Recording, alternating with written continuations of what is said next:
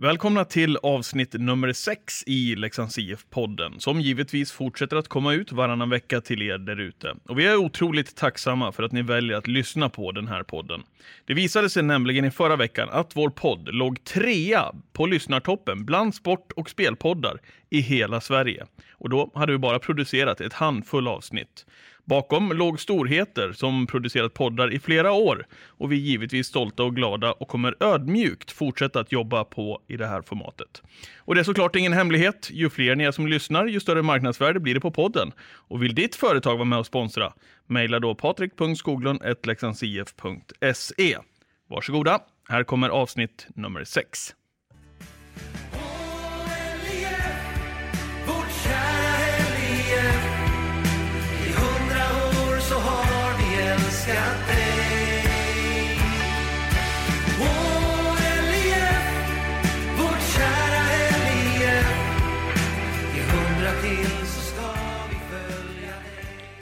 Och lite extra glad är jag idag. Inte bara för det jag nyss nämnde, utan för att jag har två gäster i poddfåtöljerna. En av dem har spelat i Leksands IF i hela sin karriär, bortsett från att hon som ung spelade i moderklubben Malung. Och att det givetvis har blivit landslagsspel, lite titt som tätt. Den andra, är han en blyg norrlänning? Ja, vi får väl ta reda på det. Förhoppningsvis så får vi känna vår damtränare lite extra under vårt samtal. Det vankas ju dessutom slutspel runt hörnet för vårt damlag. Här är Elin Lundberg och Lars Stenmark. Välkomna! Tack, Tack. så mycket. Hur mår ni? Ja, men eh, vi mår bra. Eller jag mår bra. Ja, jag mår också jättebra. Du, eh, äntligen fick vi till det här Elin. Vi har ju försökt få till den här poddintervjun ett tag. Ja, jag är väl inte den lättaste att, att få till en tid med kanske. Jag jobbar ganska mycket. Vad gör du på dagarna? Ja, jag är på förskolan. Ehm, så spyr jag mellan varven just nu. Vad gjorde du? Så spyr jag väl mellan varven just nu. Ja, är det för att du är gravid alltså? Ja, Är det så illa att du... jag har väl spytt från början till nu. Okej. Hur, hur många veckor ska du behöva fortsätta med det? När är, när är det planerat, eh, när är det planerat datum? Ja, jag sa det, första dagen på dansbandsveckan, så det är väl ehm, eh, 13 juli. Mm. Så jag har några veckor kvar, så jag hoppas väl att det, det tar slut snart. De säger att det tar slut vecka 12, men jag är vecka 19 nu, vecka 20 nu, så att eh, det kanske slutar snart. Ja. Du var ju med barn på dagarna väl? Mhm. Ja. Jag har 54 stycken. ja. Är det bra träning? ja, då, jag trivs bra med dem. Ja. Så att, eh, det, man har lärt sig lite i alla fall. Jag förstår det. Du, ehm, tankarna kring eh, det här då med eh, att få första barnet och, och så hockeyn och allt det där. Det blir ju så att du får ta en liten paus då, eller? Ja, det var väl inte så jätteplanerat. ehm, men eh, ja, det, jag lär väl ta en paus om inte annat. Det är väl lite svårt att, att spela med den lilla bebben i magen. Mm. Det är sant. Kommer tillbaka sen alltså? Är det det du säger? Ja, jag tänkte. Ja. Sen får man väl se. Det är ju svårt att säga nu att jag var ju så himla kaxig i början, men nu är jag väl lite mer ödmjuk i det hela. Men jag hoppas väl och vill jättegärna komma tillbaks. Mm. Vad kul eh, för Elin. Det är så kul att prata om det här Lars. Men Ja. du har ju tappat en viktig kugge där i laget också. Ja, det är jättetråkigt att vi tappar spelare, men eh, vi får ju en på köpet nu när hon ska bli mamma, så att det blir ju, det blir ju jättebra. Nej, men, På återväxt ja. ja, precis ja. Hon är bara att skriva in hon direkt. Exakt. Du, eh, vad säger du om eh, säsongen som har varit hittills om du börjar från början? Eh, ja, jag kom hit i maj och då var det inte så mycket kvar. Då var det Elin och en tjej till här, så att det, det var ju lite börja ro i det här, men eh, vi har byggt ett bra lag och eh, haft en bra både sommar och vår, eller vår och sommar. Sen när isen började komma igång med träningar så tycker jag att gruppen satte sig mer och mer och till slut så var vi ju full trupp och såg att det fanns en stor möjlighet med den här gruppen också så att det var, det var jättekul. Sen hade vi en fantastiskt tuff säsong på säsongstart med åtta raka förluster så att men nu tickar det på. Mm, det gör ju det. Eh, vilket är kul. Och slutspel som sagt som vi ska återkomma till lite senare i, i vårt samtal. Vad tänkte du där i början när du kom till Leksand? Och som sagt, inte speciellt många spelare på kontraktet. Ja, men det, det var väl kanske lite väntat också genom att det hade varit en paus där mellan förra tränaren och eh, jag kom in i bilden. Sen eh, Leksand var ett attraktivt lag tror jag för många andra föreningar kom och titta på och spelade där så att det var, det var några tjejer som var sugna på att prova någonting nytt också. Mm, och sen när, när man vet det, att det kommer en tränare och ingen vet vem det är så kanske man känner att det är lite oroligt också. Så att, men jag, är, jag var kanske inte riktigt orolig att vi skulle tappa för mycket tjejer, men, men ehm, det, när de fick en bild av mig och jag fick en bild av dem så kändes det som att eh, vi hade en bra start i alla fall. När kände du att pusselbitarna började falla på plats? Ja, men jag tror att när man får de här äh, spelarna som har varit här under en längre tid och får dem att återvända, eh, då ger det också väldigt mycket mer smak på andra tjejer och de vill skriva på också. Eh, sen så Leksand är ju en det är en förening som många vill jobba med och associeras med, så att det var inte så svårt att få hit tjejer heller. Sen vill vi ha tjejer med bra kvalitet också och bra människor. Elin, eh, du som har varit i Leksand här i stort sett hela ditt liv och spelat. eh, Vad tänkte du inför den här säsongen? För det såg ju skralt ut. Nej, men det var väl klart att man var eh, nervös. Ehm, Det var som jag sa och har sagt tidigare att jag var väl kanske i en position där jag inte kunde göra så jättemycket. Det var väl kanske att, att inte spela liksom. Men, men samtidigt så, det här har ju hänt förut. Mm. Det, det är lite så här flashbacks back, back in the days för en annan. Men det, det har varit ett äventyr har det varit och det har varit kul att, att få vara med på den här resan. Och jag visste inte heller vilken Lars var. Eller, vi hade ju träffats förut, det har ju du berättat för mig nu. Men Mm. jag hade ingen bild av dig. Eh, inte som tränare i alla fall. Så att eh, så här i efterhand så vart det ju jättebra. Berätta. Bilden? Ja, men ni, Ja. ni hade ju träffats förut ju. Ja, precis. Jo, nej, men eh, jag var här på hockeyskola och eh, ledde någon grupp här på någon sommarhockeyskola. Sen såg jag en tjej i, i, i jägerbaren. Det var inte jäger, alltså jägerbaren så, så att jag skulle inte ha jäger, utan eh, hon jobbade där och delade ut pingisracket. Och då tänkte jag, vem är den där tjejen? Och då spelade hon i Leksands damlag, fick jag reda på. Eh, ja, och jag var helt övertygad redan då att hon var mamma, eh, för hon agerade som en mamma då också. Mhm. Men, eh, men eh, det var ett kärt åter- återseende för att ha henne i, i det här laget. Elin, när du säger att det är tankar som far tillbaka till back in the days. Berätta för oss. Hur var det? Nej, men om man tänker liksom som ett generationsskifte som det har varit nu. Det, det är ju bara jag som är gammal tant kvar här. Känns det så? Lite så känns det. Men det finns ju de som är min ålder också. Men det är många av dem som jag har spelat med i många år som har, som har gått vidare eller ja, men valt någonting annat i livet just nu. Eh, och det var ju ett litet sånt skifte, jag vet inte, tio år sedan kanske, åtta år sedan. Eh, där många valde att hitta på, alltså gå vidare och studera, jobba. Några blev mammor. Mm. Alltså det är ju lite så livet som ser ut som damhockeyspelare just nu.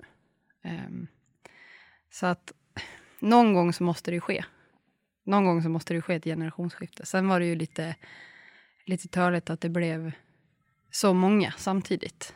Eh, samtidigt så tycker jag att de som har kommit in och om du tar liksom Kajsa och Vilma och, och Anna Sköld, de här som har tagit en enorm stor roll i år. Sen från tidigare så har de gjort det jätte, jättebra. Mm. Du Elin, eh, nu är ju inte karriären slut. Du kommer ju tillbaka snart. Ja, precis. Vad säger du om karriären som har varit för din del, som har varit väldigt framgångsrik och ett stort nöje för många Leksands-supportrar här omkring i alla fall att få följa dig?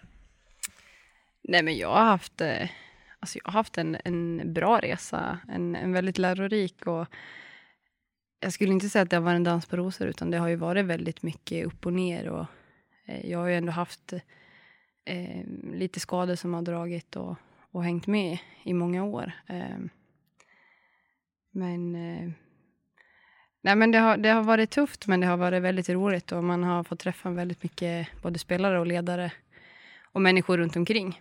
Eh, som man, jag är väldigt glad över att jag har fått, fått vara med och lärt känna. Vad är den stora skillnaden eh, idag skulle du vilja säga att spela i liksom, Leksands IF representationslag jämfört med när du kom hit? Oj. ehm, nej, men dels att det är kanske en helt... En, damhockeyn just nu är ju mycket större än vad det var då. När jag kom från Lilla Malung så... Eh, jag visste ju knappt vad damhockey var. Alltså så var det ju. Jag hade varit med på några regions eh, turneringar och träffat lite damspelare då och spelade lite med Malungs, vad var det, division 2-lag. Det var ungefär den bilden jag hade. eh, av damhockey. Och när jag kom hit så fick jag spela liksom mot, mot alla de här gamla damerna som spelar i landslaget. Och det var ju det var en ganska stor ögonöppnare för mig. Och sen också att man får jobba med människor som, eh, som de, de lever liksom för det här. Det är det enda de gör. Sen är jag jättetacksam att jag har haft den, den uppväxten jag har haft i Malung. Det, Mm. Jag tror inte, om jag inte hade haft den så hade jag nog inte riktigt suttit här idag. Det tror jag. Hur var den uppväxten? Nej, men det var väldigt eh, familjärt skulle jag väl säga, men ändå väldigt eh, hårt och rättvist. Alltså vi var ju ett gäng, 93-gänget där som... Eh, vi var en, en tajt grupp och bra ledare som ändå eh, tog tillvara på den gruppen som vi var. Varför blev det hockey för din del då, tror du? ja, jag höll ju på med så himla mycket. Jag höll ju på med handboll och ridning och fotboll och slalom och längd. Jag tror jag har gjort allt. Är det så? Ja, ja. Det, det finns inte så mycket mer att göra med Malung än idrott. Nej. Men eh, min pappa har ju spelat i alla år och sen min storebror. Så det var väl mycket därför. Jag ville ju alltid vara som min storebror när jag var liten. Okej. Så det blev väl ganska naturligt att, att det blev hockey. Sen, sen valde jag väl mellan fotboll och ishockey. Men det var väl mest att jag tyckte att det var roligt. Lars, för din egen del då, hur hamnade du i, i hockeysvängen från första början? Uppifrån norr, det hör man ju på dialekten. Varifrån, eh, varifrån eh, kommer Lars? Eh, jag kommer från Umeå. Så Ja. att, nej, men jag spelade hockey som, som liten grabb. Jag har ju svaga minnen av att jag spelade hockey. Jag var, ingen, jag var dålig tidigt brukar jag säga. Så att, eh, jag fick lämna. Hur, Sen- länge, hur länge varade karriären? 15 år tror jag. Ja, så pass ändå. Ja, alltså till jag var 15 år. Ja. Eh, nej, men jag var ingen, jag var ingen bra hockeyspelare. Absolut inte. Fast jag skulle nog vilja säga att jag hade, hade jag haft mig själv som ledare så kanske jag hade fortsatt lite längre också. Eh, vi, vi kom inte överens, jag och min tränare överhuvudtaget. Så att det var, det var dags att ta en liten paus från ishockeyn. Sen så eh, när jag gick mitt sista år på gymnasiet, eh, på den skolan som jag gick, så skulle man starta hockeygymnasium och då frågade de om, men du, du har ju ändå spelat hockey, ska inte du, ska inte du vara med som ledare här? Ja, men absolut, det tyckte jag lät jättespännande. Ja, du tyckte det var i alla fall en häftig utmaning med, med tanke på din bakgrund där, som du Ja. beskriver som inte så briljant. Nej, precis, och det kände jag väl redan från dag ett att men det här är något som jag vill jobba med. Jobba med de som vill spela ishockey och eh, fick en bra start eh, där också. Och, eh, det är ju många år senare så är man ju otroligt tacksam att man fick en, en, en jag fick jobba med Virus Lindberg i början eh, på hockeygymnasiet och han lärde mig väldigt mycket och satte en bra grund i mitt ledarskap också. Så att, Vad, vad är det för värderingar som du...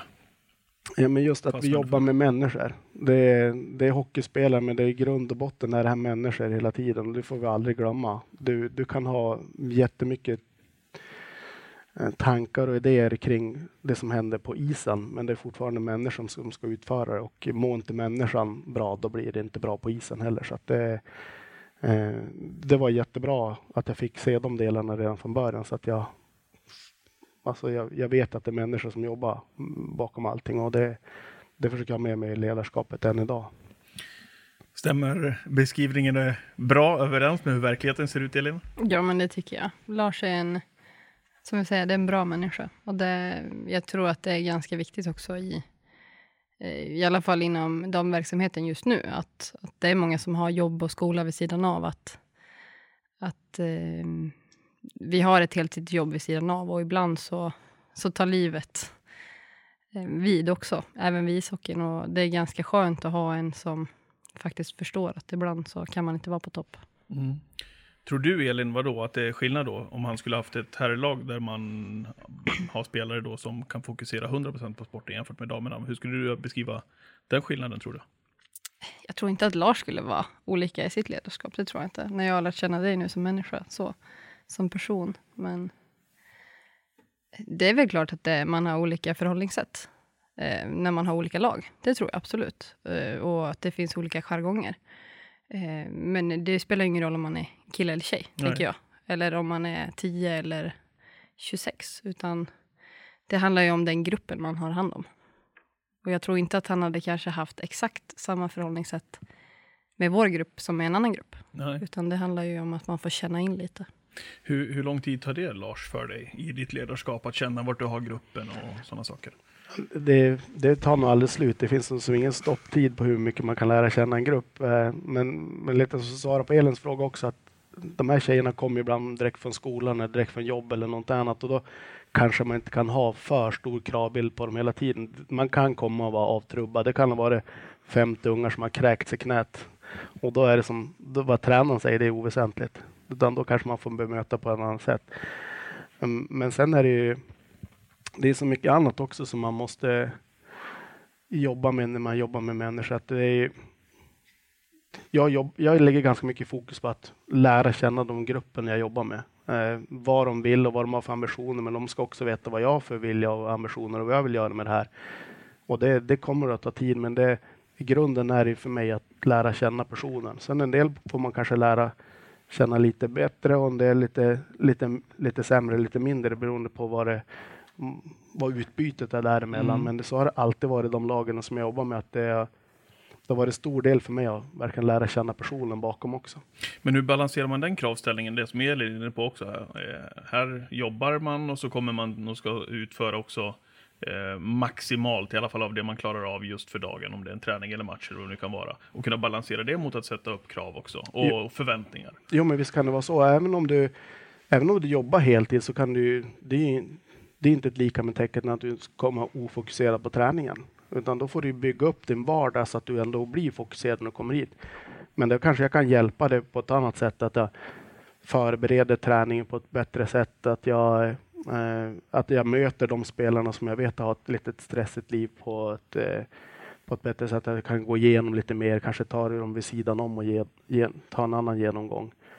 Men eh, det finns egentligen inga ursäkter eh, för att man inte skulle kunna vara förberedd med på isen. Men, men vägen dit kan skilja ganska mycket ändå. Hur känner du kring det, Ellen, som har ja, heltidsjobb? Vi sa ju det, vi inledde ju podden här idag, eller vårt samtal med att, eh, att du kommer precis från jobbet med anden i halsen. Här. Du hade ju saft och i ryggsäcken och grejer härifrån dagis och eh, utflykter och allt vad det nu kan vara. Och sen eh, också ha den här kravställningen på ja, men att man ska leverera som hockeyspelare vid sidan av. Men det handlar väl om också att man, man lär sig med tiden. Alltså nu, som sagt, det här är inte mitt första år och jag har ändå jobbat i några år nu och, och pluggat också. Ehm, jag har ju valt då att leva det livet som jag gör också. Och liksom, man får balansera det.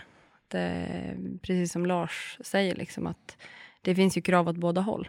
Eh, och vi kommer ju ändå hit för att prestera. Eh, vi, vill ju, vi vill ju uppnå saker. Det är, det är ingen hobbyverksamhet egentligen, ingen social verksamhet, utan vi vill ju, vi vill ju vinna. Mm. Eh, och då måste jag också förbereda mig så pass mycket så jag kan komma ut och prestera för att göra laget bättre. Så att i slutändan så är det ju inte en ursäkt kanske att man jobbar si eller så mycket eller man går i skolan, utan det handlar ju, det handlar ju om hur jag förbereder mig bäst. Sen ibland så, så blir det som det blir. Det är Mm. inte så mycket att göra åt.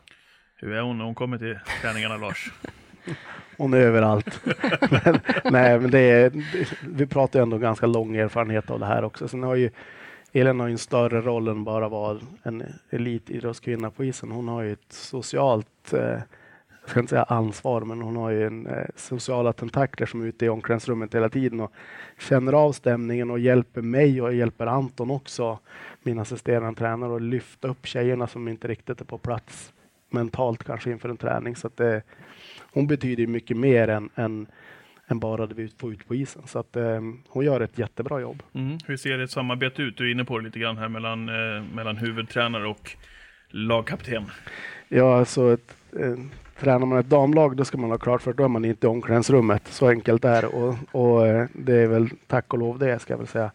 Men du får in ganska mycket information vad som händer i ett omklädningsrum om du har bra kommunikation med, med spelare. Behöver inte vara med allihopa, men med vissa så att man kan försöka översätta vad som händer hela tiden och jag får, får den informationen. Sen ska jag absolut inte ha all information, absolut inte, men väldigt mycket ändå som man, som man får när man jobbar med herrar och killar, för då kan man ta ett varv i omklädningsrummet och hinna snacka lite grann och eh, få byta lite Att det finns mer tid helt enkelt, eller? det finns mer tid för eh, många gånger så är det som att vi har ju fys innan isen stort sett alltid så tjejerna kommer och slänger in eh, ryggsäcken och byter om sen drar man iväg och tränar.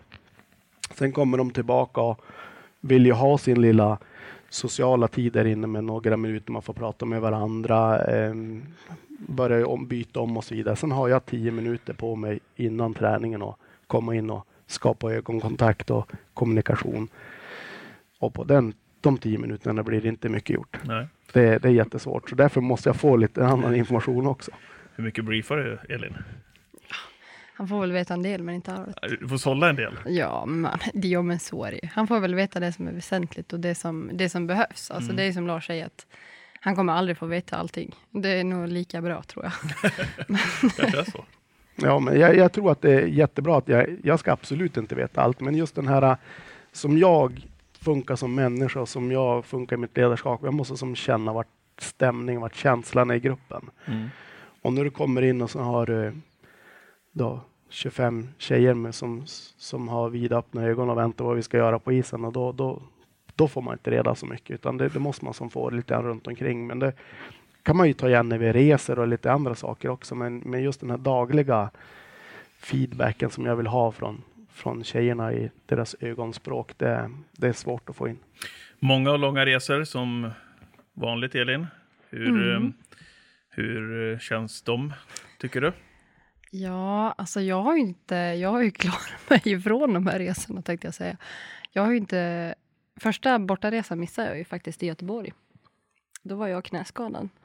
Så jag har egentligen bara gjort en lång resa åt varje Den här håll. säsongen, ja. Ja, Men det har väl varit några jag har gjort några resor i mig. Jag har liksom fyllt den kvoten kan vi säga. Ja. Så att, nej, men det brukar ju vara... Det är ju ganska roligt ändå. Det är ju faktiskt. Man hinner ju med mycket surr och mycket, mycket spel och ja, det är allt möjligt. Sen sover jag mycket. Jag är en sån där tråkig, tråkig människa, så jag sover ganska mycket. Och sen har jag pluggat eh, på högskolan, så att mycket tid har gått till att faktiskt sitta med de där böckerna. Vad gör de övriga lagkamraterna när du pluggar och sover? Då? Nej, men vi, vi är ju ett gäng, man har ju sina rutiner allihopa. Några sover liksom alltid först och sen, sen har vi ju en fikaklubb, så är det ju. Den- Fikaklubb? Ja, vi har en fikaklubb. Den är jag stammis i, så den Okej, kan jag vilka, vilka ingår? Ja, i år så är det jag och Kajsa Armborg och eh, Vilma Johansson och Moa Wiklund. Sen får det några gästspela lite sådär, Okej. någon match sådär, men det är vi som är kärnan i den här gruppen. Vad krävs för att man ska komma in i fikaklubben? Ja, man måste köpa fika. Det är så. Fika och dricka kaffe, det är ungefär de kraven vi har. Hade du koll på den klubben, Lars? Jo, jag har fått tagit del av den, för ibland kommer kakburken ända fram till ledarna, så att det, det är ju jättetacksamma för. Så att det, ja, det, det är kul och så kul att man, att man tänker på lite annat också när vi är ute och reser och fika är ju aldrig fel. Nej, så är det. Du Lars, eh, att du hamnade i Leksand, hur eh, kommer det sig? Ja, jag tror att eh, kontakten började när jag var här på sommarhockeyskolan och lärde känna lite människor som jobbar runt Leksand. Sen så har jag de senaste åren varit anställd av Björklöven i olika roller och ehm, kände väl att kanske att det var dags för ett miljöombyte. Men eh, Leksand, ja, det är ett drömställe att få jobba på och frågan kom faktiskt om jag var intresserad av att komma till Leksand och jobba med någonting. Och det sa jag absolut, det, det vill jag göra en dag. Eh, sen kom frågan upp att var tränare för damlaget och då, jag kände nog att jag behövde nog inte fundera så länge utan det här var en perfekt utmaning för mig och eh, eh, även om jag hade lite anställning kvar i Löven så kunde jag som ändå börja processen med huvudet hur jag skulle kunna jobba med det och lä lägga upp det. Så att, men eh, så här långt har det varit helt fantastiskt. Hur såg du på utmaningen där och då? Eh, Dels för att kunna möta en annan typ av människor. Det är ju, det är, killar skiljer sig på, på fler sätt mot tjejer än, än vad man kanske tror. Och i ett ledarskap så är det ju ibland ganska stora utmaningar. Och, eh, dels att komma i en ny förening, för har du jobbat i en och samma förening i stort sett hela, ja, men om, om jag varit ledare i 25 år så kanske jag varit 15-18 år i samma förening. Och då vet du, du kan, du vet vart vaktmästaren bor och du vet vart allting finns och allting. Du kan allting utan innan. Jag menar bara den här pod podcasten när vi skulle hit. Jag visste knappt vart jag var och det är i Och ändå, ändå är vi i i arenan, ja. Vi är ändå i arenan Ja. och jag vet ju fortfarande ibland inte när vi ska gå till ställen att tjejerna hittar på ett annat sätt än vad jag gör. Och bara det är ju en jättebra grej för mig också att få, få vara på ny mark och lära sig nya saker och sen få, få jobba med tjejer också. Också jobba med, med spelare som är på en hög nivå. Det är ju helt fantastiskt kul att ha, ha möjlighet att göra det. Där de driver mot landslag och driver mot eh, stora mål i livet. Du var inne på att du, du gillar det här med ledarskap och fastnade tidigt för det. Men materialförvaltare hann du med också. Ja, jo, men jag tror att jag i grunden är väl ändå, anser mig själv att jag är relativt händig. Och eh, gillar att jobba med material också. Sen, eh, den, den rollen som jag hade i Björklöven, det var ju som materialförvaltare i Hockeyallsvenskan. Men jag tror att eh, det fanns en lite annan roll i den rollen också. Men eh, absolut min största Största delen i mitt jobb det var ju att ta hand om materialet. Mm. Men det, det var också en här jättebra grej för mig att få, få jobba med hockey, men jobba med, med, med det från ett annat håll. Pysslar du lite nu också då? Ja, nog slipas det någon skridsko ibland. det. lite så här, så nej, Jag gillar ju som att sköta om och serva och fixa. Det, det har jag gjort. Spelar ingen roll vart jag är. Det är jag, Nej. det är jag rakt in i mitt DNA. Så att, kul. Du Elin, ehm, när Lars kom, hur är det att få in en ny tränare som man inte har ja, någon koll då på? Förutom att ni träffades där när du delade ut pingisracket. Ja, men det är ju alltid spännande att träffa nya människor. Så är det ju. Eh, och sen är det ju alltid så här en, en period som man måste lära känna varandra på. Alltså även om man är spelare och tränare så måste man ju någonstans bygga en relation emellan varandra och, eh, och få lära känna lite vilken typ av tränare är Lars och vad är jag för typ av spelare. Jag vet väl att jag kanske inte är den lättaste människan att ha att göra med heller. Det Är hon inte det, Lars? jo, hon är jättelätt att göra med. Jag är tjej. finns inga komplicerade saker här. Nej. Nej. men det är väl alltid alltså, spännande och, och lite nervöst att se vart det, vilket håll det går åt. Mm. Eh, och speciellt när det var jag och en till som hade kontrakt. Det, man har ju liksom ingen aning. Nej, Men det finns väl en charm med det också kanske. såklart. Du, ehm, tio matcher bara den här säsongen blev det. Ja, Ehm, och en jobbig skada som ju satte stopp för stora delar av säsongen. Berätta. Nej, men det var väl eh, sista, näst sista träningsmatchen eh, som jag drog på mig en knäskada. Eh, på andra knät. Jag har ju haft en knäskada på, på mitt andra knä. Mm. Så det var väl lite oturligt. Eh, jag gjorde en operation i, i våras för att ta, göra ordning det liksom, så att det skulle bli bra. Så det var väl, det var väl både tufft mentalt och, och fysiskt då, att, att det som var bra skulle bli dåligt också. Eh, men eh, någonstans så kanske det var meningen. Jag vet inte. Jag är väl lite så som människa. Alltså blir det så blir det. Det är inte så mycket man kan göra åt. Eh, sen var det jäkligt surt. Eh, dels med de förutsättningarna vi hade med laget. Liksom. Och när det äntligen ska dra igång så drar man på sig något sånt där. Det, samtidigt så är det inte så mycket man kan göra åt än att försöka komma tillbaks. Men jag tror att, eh, jag tror att det var ganska nyttigt för mig också som spelare att eh, ja, men alltså få tänka och känna efter lite vad jag har velat. Det, det har väl ändå varit lite de här sista åren, eh, vill, om man vill spela eller inte. Alltså, vad vill jag göra nu i min karriär? Alltså, jag har ändå gjort ganska mycket och jag har jag men fått uppleva väldigt mycket saker. Och det är klart att man börjar fundera på vad, vad blir nästa steg? Eh, så jag tror att det var ganska nyttigt för mig att, att få längta lite. Eh, och det, det gjorde jag ju verkligen. Så att eh, där och då så kände jag ju att jag är ju definitivt inte klar om jag längtar så här mycket då. Härligt att höra ju. Mm. Väldigt bra. Sen är det ju, alltså där och då så känner man ju att det är ju jättetråkigt att vi tappar en bra back och en, eh, en som, som har sån otroligt viktig roll i vårt lag. Men det hann väl inte gå mer än någon dag så står ni i båset och ska hjälpa till. Så att det är, där får vi som se vilken otrolig ledaregenskap det finns i den här människan. Att ja, men okej, nu, mitt knä funkar inte men resten av kroppen funkar. Nu ska jag hjälpa till med det här istället. Mm. Så att det är skadan tråkigt, men vi får ju behålla honom, tack och lov. Mm. Tack och lov. Och landslagsspel har det blivit vid flertalet tillfällen här under din karriär också, Elin. Vad eh, tänker du kring att dra på sig den blågula tröjan? Du och jag, Lars, vi har ju inte varit i närheten av den. Ja, jo, på det viset kanske, men inte få sätta på sig i de sammanhangen. Nej, inte på, inte på någon is i alla fall. Nej. Nej, men det har väl varit jättekul och det är ju alltid, alltså, man känner sig ju väldigt hedrad att få, få vara med på de sammanhangen och eh, alltså de matcherna och de evenemangen som man har fått spela. Ehm, det är ju någonting som man alltid kommer ta med sig. Eh, det, man, sam, samtidigt så är jag väldigt ödmjuk att eh, det finns väldigt många duktiga tjejer och eh, någonstans har jag väl varit så här, ja men det kunde ha varit vem som helst, fast nu, är jag så här, nu var det inte vem som helst, utan det var faktiskt jag och några till som fick, fick representera Sverige. Eh, Njöt du?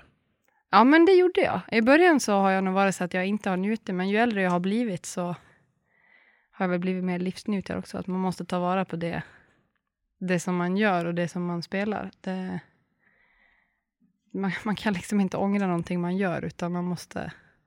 Det är egentligen bara att gå ut och njuta. Vad är det värsta som kan hända?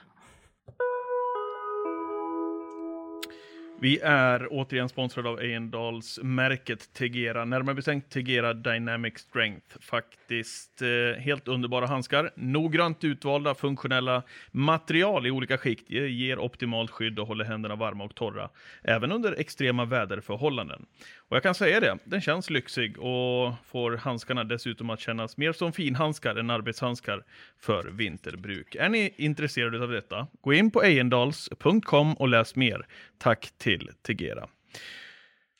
Vi är också sponsrade av hotell och restaurang Moskogen, precis som de senaste veckorna. Det är eh, härligt att ni är med oss Moskogen och eh, vi har ju pratat om den goda maten och den härliga servicen som vi alltid får på Moskogen. Det är ju ingen hemlighet. Vill man bo kvar i Leksand, ja då passar såklart eh, Moskogens nyrenoverade stugor alldeles utmärkt. Och det där med konferensen, ja det känner vi till vid det här laget. Det är bara att boka in er konferens på Moskogen så kommer familjen Nygård med personal att ta hand om er ordentligt. Det kan jag lova. Ni besöker Moskogen också på internet såklart. Tack till Moskogen. Elin, eh, under den här intervjun här så har du kollat på klockan några gånger. Är du, eh, är du stressad? Nej, men vet du hur det är? Det plingar i den här klockan hela tiden. Det är jobbet som håller på och plingar. Så att, eh, Jag har såna här notiser på. Ja, Jag har ingen stress nu. Nu ska jag hem till min sambo okej. och säga hej. Och säga hej ja. ja precis. Du har en liten stund kvar i den här intervjun. Ja, ja det, jag har ingen brådska. Känns det okej? Ja, det är bra. Du Lars, vi var inne på det här lite grann i början på säsongen och vi har pratat eh, vid det här i den här intervjun också. Kände du där kring den där, den där förluststreaken? Hur många var det? Man ville sluta räkna ju. Eh, ja, men eh, åtta matcher var det. Ja. Vad tänkte du, helt ärligt, när de radades upp de där? Mm, Ja, min första tanke var om taggen skulle funka på måndag morgon när jag skulle till jobbet. Ja, Nej, gjorde, men- det, men det gjorde det ju. Den gjorde det faktiskt. Nej, men det, det som jag... Man kan ju vrida och vända hur man vill, men vi spelade bra, vi tränade bra, vi mådde bra, vi skötte oss otroligt bra. Sen, vi visste ju att det var en, det var en resa som vi skulle göra. Eh, och att kunna se tjejerna jobba lika hårt när man har vunnit, eller när man har förlorat så många matcher, det är ju som ledare så mår man ju fantastiskt bra. Och bara få vänta in den här första segern och sen se hur det här skeppet börjar sakta men säkert vända åt andra hållet. Det, det är ju nog det är ju en, det är en fantastisk känsla. Jag var aldrig orolig, men Jag eh, tänkte säga det, Eh, du tvivlade inte. nej, absolut inte det minsta. Nej, utan, eh, som matcherna också var, att det var nära många gånger och det, var, det grinade illa i vissa matcher. Och vi lärde oss väldigt mycket under de här första matcherna också, där vi förlorade. Så det, det, det tar vi med oss nu när vi, när vi för oss genom både träningar och matcher, att eh, vi har haft det tufft. Och vi har lärt oss mycket och gruppen lärde sig väldigt mycket också. Vi, varje gång vi pratar om det här och varje gång tjejerna pratar om det här så får jag alltid höra att det är så bra stämning i gruppen. Och det var bra stämning då också. Det var inte så att vi har ett gäng förlorare i omklädningsrummet utan det var bara att man tittar varandra i ögonen och säger att vi kan göra det här. Vi, vi ska lösa det här. Jag frågade dig några gånger när du kom förbi uppe på kontoret där vi sitter på dagarna. Och så frågade jag, hur är stämningen nu då Lars? Ja men den är bra. Och det känns så här, men det där är så klyschigt att komma med de där ju. För att det säger ju nästan alla tränare går lite tungt och gruppen mår bra och vi ser framåt och det där. Men du kände det? Ja, men så länge man inte skrattar och nonchalerar bort det här och tänker som att det är, det är som det är och så vidare. Men man, ska, man kan ändå skratta och njuta men ändå vara fokuserad på att vi ska göra någonting åt det här. Vi ska göra någonting bättre. Det som är på isen när man har förlorat åtta matcher, det är inte alltid bra. Och då måste man ändra på det. Och, och det, det gjorde vi och när man, när man ser det och man får jobba med det, då är jag, jag är absolut inte orolig. Tänkte du där i början, Elin, utav den här säsongen? Nej, men det var ju precis som Lars säger. Alltså, det, vi, gjorde, vi gjorde väldigt mycket bra saker där ute. Och, och man såg ju någonstans att tjejerna, de tappade liksom inte gnistan att fortsätta. Utan det fanns ändå ett driv hela tiden att, att vilja bli bättre och vilja vinna. Jag tror jag hade blivit mer orolig om det om, om vi bara hade lagt oss ner och dött. Men på gott och ont, det som jag sa, det kanske var bra att vi var unga och nya allihopa, att vi inte kände varandra riktigt bra då än. Att vi, inte, att vi var på, på början på en resa. Ehm, och att alla ville sträva framåt. Det tror jag gjorde väldigt mycket. Vad är styrkorna i, i dagens lag skulle du säga? Jag skulle säga att mycket är att vi är unga och, och vi alltid vill bli bättre. Att vi är en, en relativt ung grupp och eh, vi har en bra balans ändå mellan rutin, rutinerade spelare och eh, nya, o, o, eh, vad ska man säga, oförstörda. Mm, ungdomlig entusiasm, ja. Ja, men alltså att de, de vill alltid ta kliv framåt.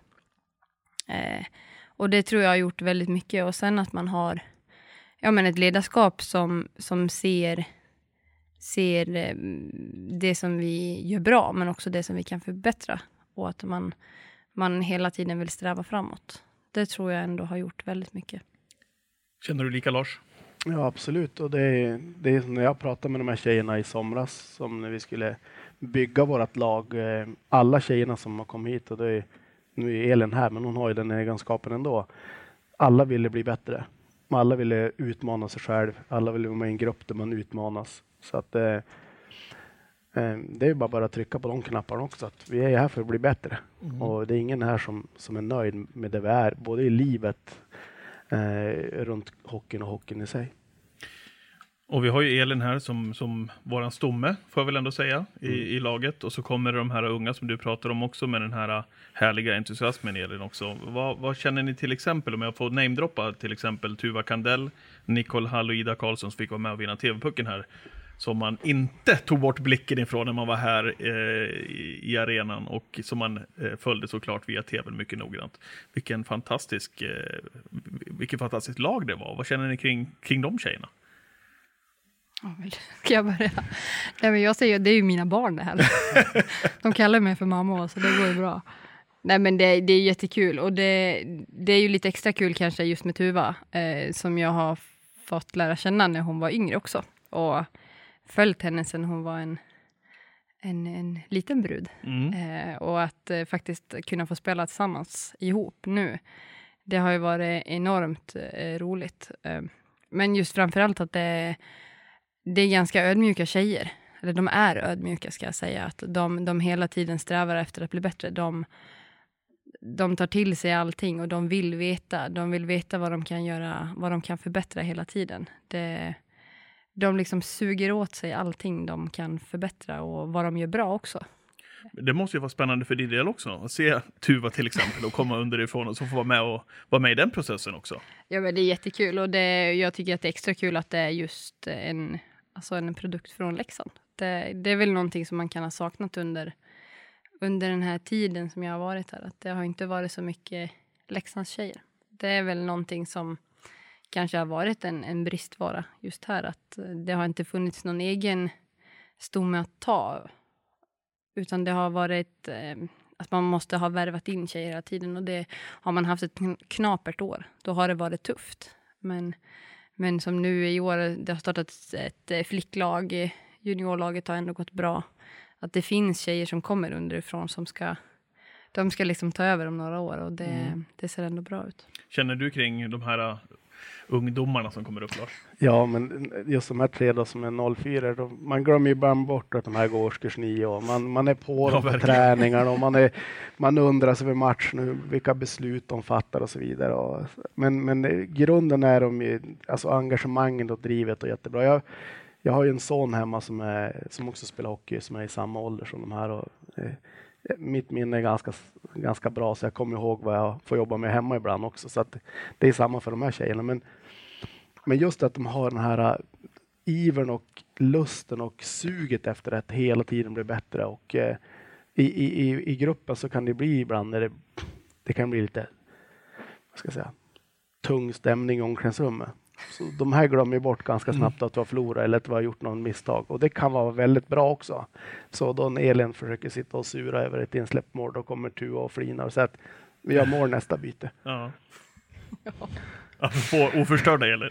Ja, ja men det, det är på gott och ont. Ibland så, man, man, ja, man tar dem ju för vad de, är- att de är äldre än vad de är. Mm. Och man kan ju vara liksom, men skärp dig nu. Sen kommer man på att ja, jag har också varit 15 år, eller ja, vad de nu är. Det, det är helt okej. Det är faktiskt det.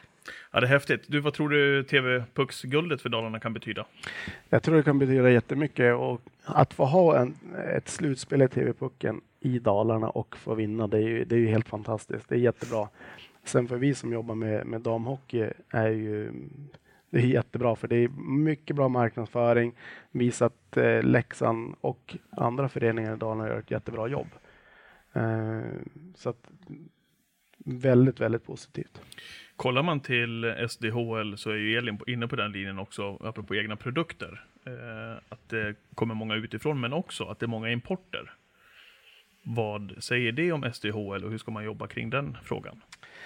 Ja, SDL, SDHL vill ju profilera sig som en bra liga, vilket den absolut är. och Det är nog förmodligen kanske den bästa ligan just nu. Eh, och många bra spelare kommer inte från Sverige.